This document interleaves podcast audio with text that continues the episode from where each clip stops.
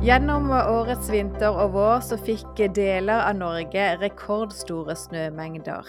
I Hemsedal ble en 100 år gammel snørekord slått, og i Nesbyen i Hallingdal har det ikke vært målt mer snø siden 1967. Men når våren og varmen kommer og store snømengder smelter, så øker faren for ødeleggende flommer.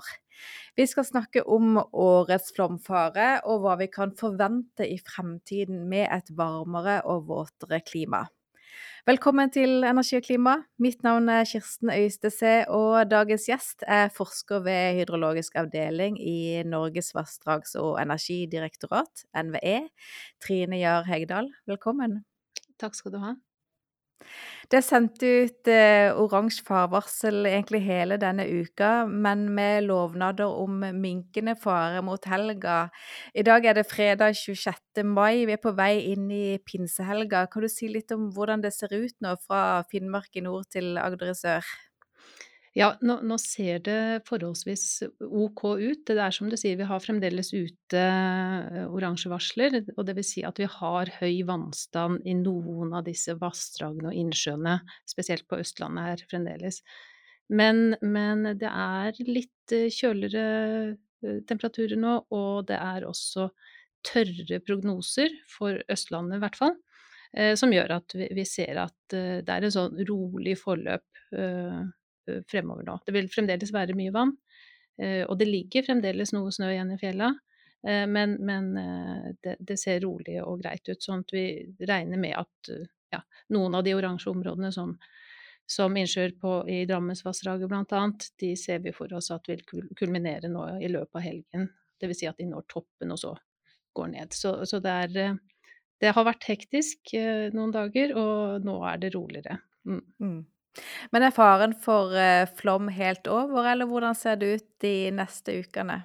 Nei, faren for flom er jo aldri helt over, fordi at selv om snøen har smelta i store deler av de områdene som du snakker om, hvor vi har hatt veldig mye Vi har jo vært heldige egentlig med værutviklinga sånn sett, eh, fordi at eh, det kunne vært verre. Så, så er det jo Det ligger jo fremdeles igjen snø i noen høyereliggende områder. Um, og regn vil jo alltid kunne medføre en, en flomfare. Uh, så, så, det at vi fremdeles har snø høyt, uh, så, så, betyr jo det at uh, sånne høyereliggende områder vil man kunne ha det. Men det, det vil ikke ramme da de store vassdragene på samme måte som vi hadde utsikter til tidligere her nå. Så vi har fått smelta unna mye. Du sier vi har vært heldige. Hvis mai hadde vært mye varmere eller mye våtere eller begge deler, mm. hvordan ville situasjonen vært da? Ja, da, da, hadde det vært hektisk rundt forbi, og da er det nok eh, veldig mange flere kjellere og veier som har vært stengt, og kjellere som hadde vært våte og ja. Så, så, så helt klart, vi hadde, vi hadde, en utvikling hvor det kom en varme. ikke sant? Det har vært kaldt lenge på Østlandet, og som du sier, mye snø. Eh, så, så da er potensialet for at du kan få høy temperaturstigning eh, stor. Og hvis du da har sammenfallende nedbørssituasjoner, så, så vil det bli veldig stort press på, på vassdraga. Eh, det vi hadde, var at vi, vi fikk en varmeperiode etterfulgt av en kuldeperiode. Og, og, vi hadde noen små nedbørssystemer som aldri var store nok til at, at de enorme ga det enorme trykket. Eh, og så hadde vi varme igjen, etterfylt av litt kjøligere vær. Så vi har hatt et par sånne bølger egentlig av snøsmelte med påfyll i vassdraga for at det har roa seg ned litt, og så kommet en ny. Og så, så har det gått litt i pulser, egentlig, som har vært, vært gunstig. Så riktig å si at vi har hatt litt flaks? Ja, Eller det er jo sånn, eh, eh, sånn været er. Eh, det, det, er. det er jo prognoserbart til en viss grad, ikke sant. At vi, vi kan si litt om, om, hva som skjer. Men, men, det er jo scenarioer hvor det kunne vært verre hvis man hadde et annet værsystem, som du sier. Hvis det hadde vært veldig varmt og veldig vått, så, så blir det mye. Hva er de verste flommene som altså Vi snakker om vårflommer og snøsmelteflommer som Norge har hatt i, i nyere tid? Ja, i nyere tid så er det 95-flommen.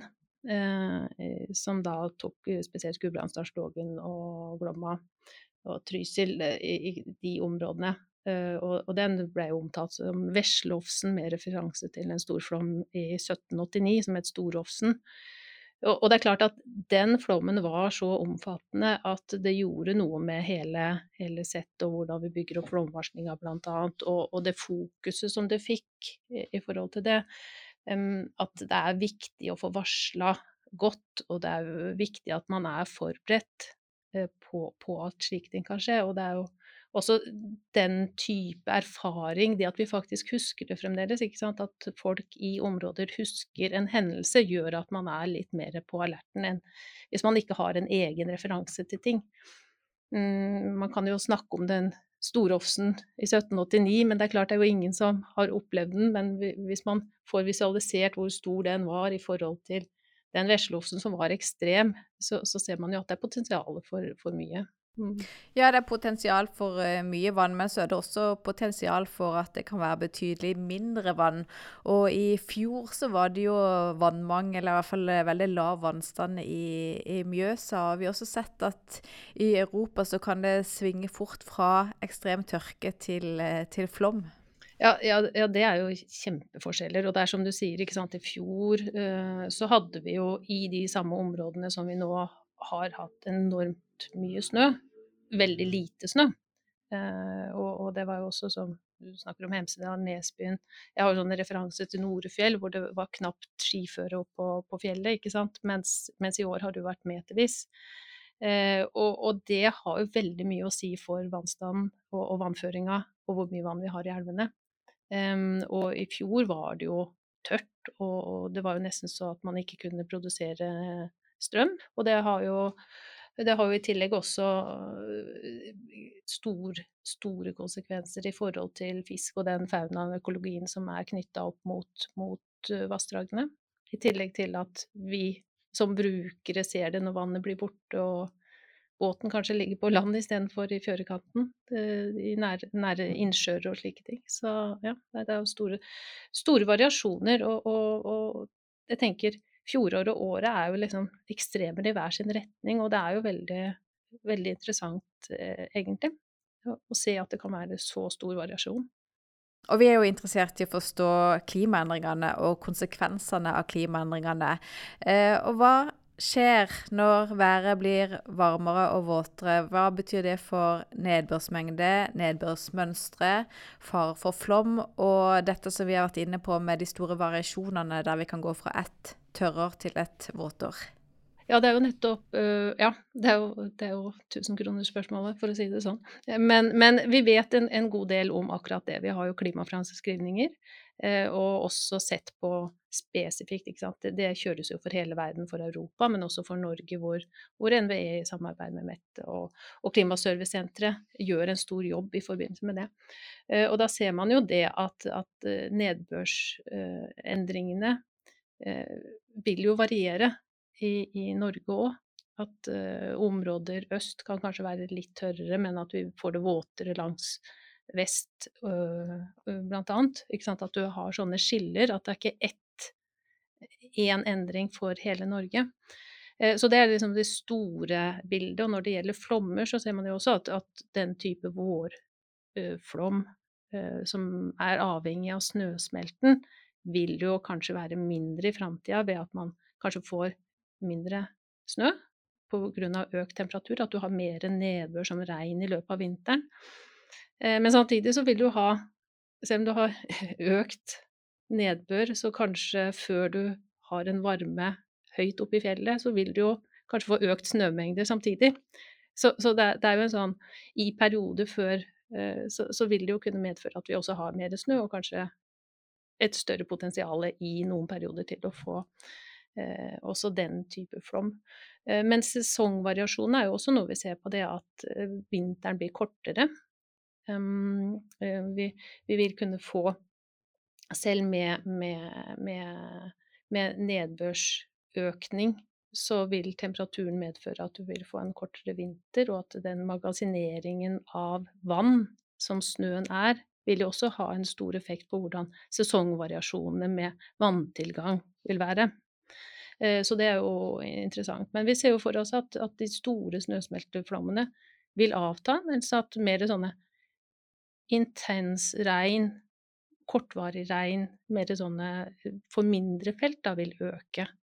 At hvis du tenker et, et vassdrag som Drammensvassdraget, hvor du har den derre store, trege vårflommen som er voldsom i, i, i, et stort område, så vil kanskje den bli mindre framover, mens alle de småelvene på sidene vil kunne øke fordi at der, der ser man for seg at man kan ha mer intens nedbør igjen.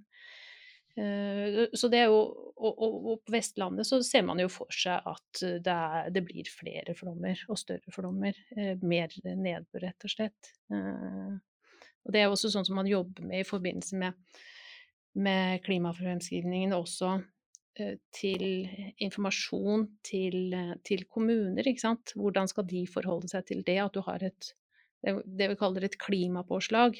At du ser på en sånn dimensjonerende flom. Hvilken flom, flomgrense er det vi skal bygge etter og tillate bygg i? At du har den i dagens klima, men så legger du på, avhengig av hvor i landet du er, en viss prosentdel da, for å, å, dekke opp det man anser som, som framtidens eh, flom. Mm. Og da også, som du er inne på, at det kan være andre steder det flommer over i fremtiden. At det er i mindre elver enn i de store, de store vassdragene kanskje i, i framtida? Eh, ja, eller eh, jeg vil jo ikke Jeg skal ikke friskmelde de store vassdragene, det er ikke det jeg gjør. men, men, hvis man ser de store trendene, at, at liksom de store snøsmelteflommene, hvis man eh, har en redusert snømengde, så vil de gå ned. Men så vil du ha den der variabiliteten. At du vil ha stor variasjon, sånn som vi har nå også. Egentlig så er jo temperaturen er jo høyere på verdensbasis i år, men allikevel så har vi områder i Norge som har vært kalde, og som har hatt veldig mye snø. Eh, og jeg tenker det er også noe vi kan se fremover, både at, at den variabiliteten øker, at du kan ha sånne unntaksår da, innimellom, hvis man kan kalle det det, eh, som, som, ikke, som avviker mer fra den normalen vi får etter hvert. Eh, og også sjølve nedbørsmønstrene er jo også noe man snakker veldig mye om. At det blir tørrere i lengre perioder, men at ikke sant, dette her med våtere, varmere og så villere, at, at sant, de ekstremene blir litt større, at du har lengre perioder med tørke, og så får du store, intense nedbørsepisoder. Og det er jo litt Ja, ikke sant, den episoden nede i Italia nå er jo en sånn type at, at Der har de jo snakket om at værsituasjonen har endret seg litt, at man er mer mot en sånn monsuntype vær, hvor du får veldig mye nedbør på en veldig kort periode, da, over et par dager. Mm. Det at vi går fra en ekstrem som du var inne på i fjor, til en annen ekstrem i år, er det noe også som vil endre seg? Ja, der, der vet vi jo ikke så mye.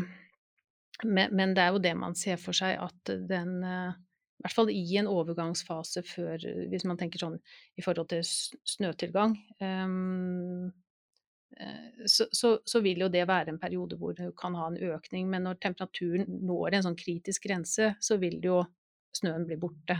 Eller ikke sant, hvis det er varmt nok. Hvis vi flytter Norge temperaturmessig lengre syd, så, så vil, det, vil, det, være enda kortere vinter. Men, men jeg skal ikke spekulere akkurat i det, men, men, men, det er nok indikasjoner på at den variabiliteten kan være noe større. Mm. Er vi forberedt på eh, endringene som skjer? Både ja og nei. Eh, jeg tenker vi, vi har jo snakket om endringene lenge. Eh, at det er, det er klimaendringer. Det har jo vært en sånn variabel tro på, på, det. Om det er naturlig eller om det er noe menneskeskapt, blant annet. Det man ser nå, som jeg tror de fleste erkjenner sånn noen personlig òg, at man liksom ser at ting endrer seg. Man opplever at det er mer ekstremt her og i resten av verden. Og at det gjør noe med oss når vi begynner å se at det faktisk er her nå. Det er ikke noe som kommer i framtiden. Eh, så, så, det er jo en sånn mental og personlig og sosial aksept. Og så er det jo den der politiske presset. ikke sant? Hva skal vi faktisk gjøre med det? Eh, og hvordan skal samfunnet håndtere en slik endring? Så, så, vi er jo mange lag i det å møte klimaendringene, eh, så, som er, jeg tenker er et kjempe, kjempespennende tema, egentlig. Mm.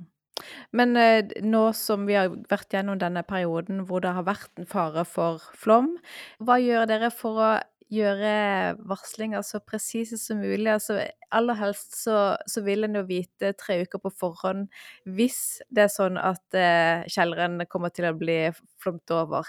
Hva gjør dere for å kunne forbedre disse varslene?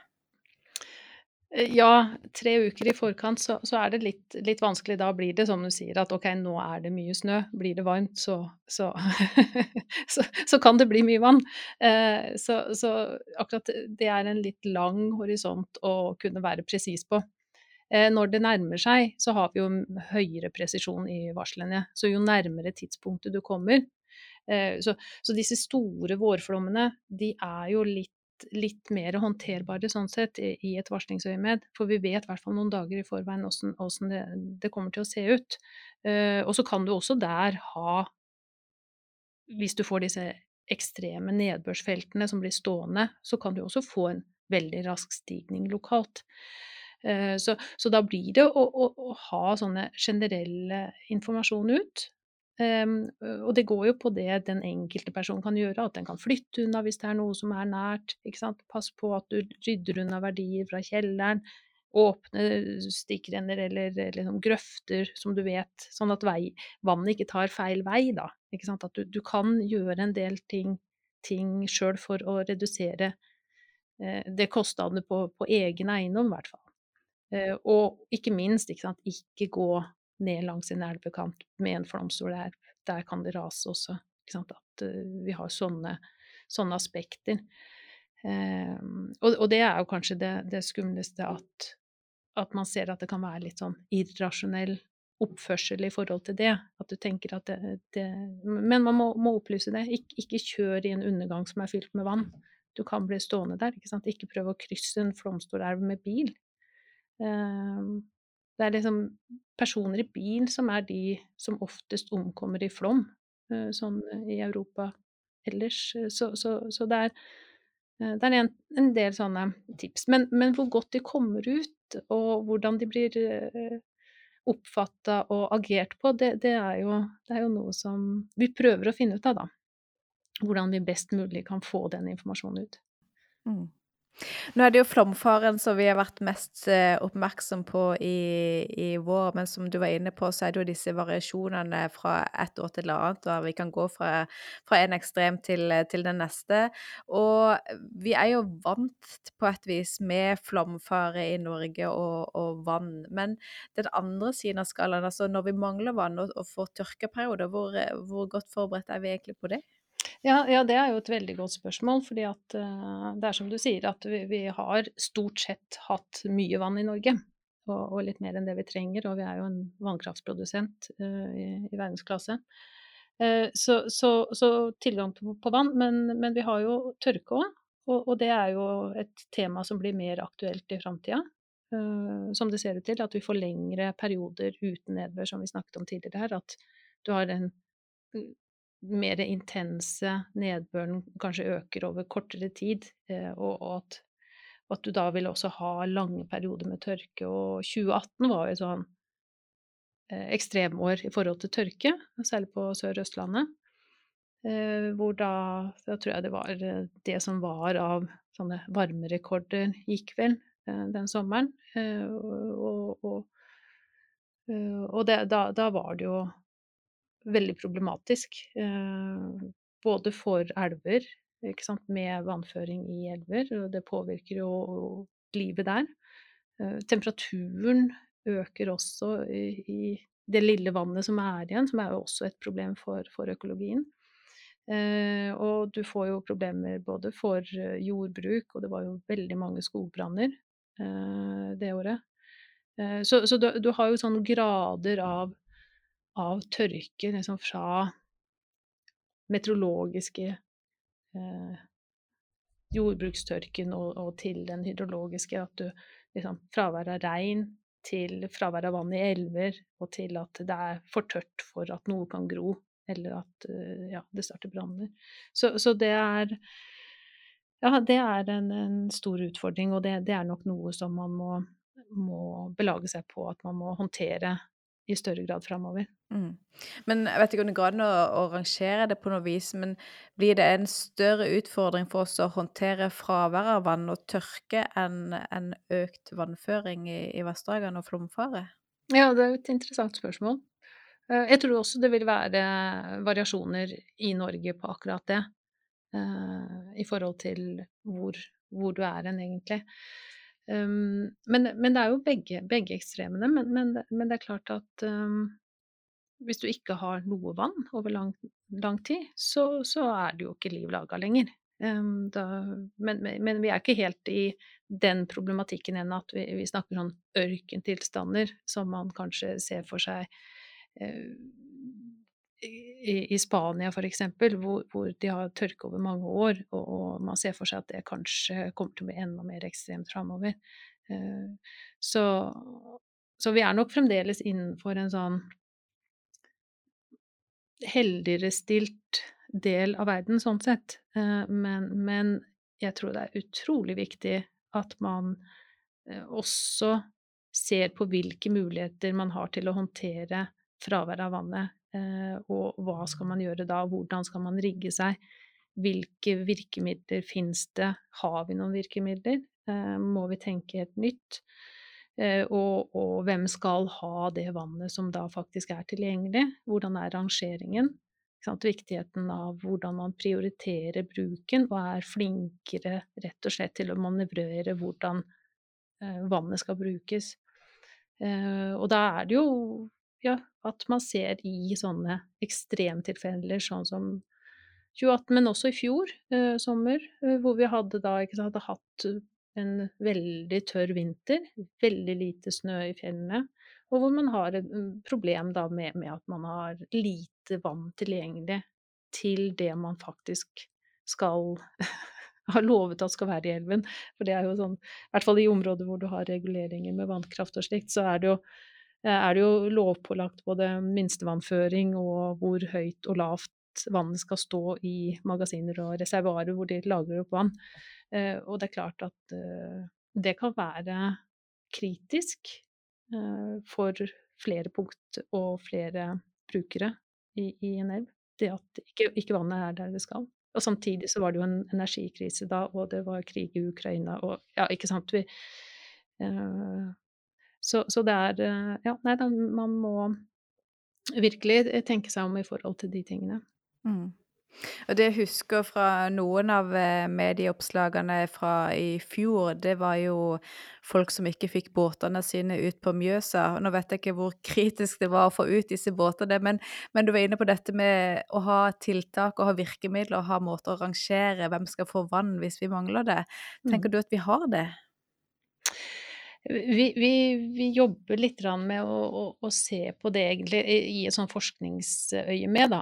Med, med, ikke med de politiske virkemidlene. Eh, det finnes systemer. Men, men, om de er gode nok til å håndtere framtidens vannmangel, det tenker jeg det, det, er sikkert lurt å få testet og, og sett på.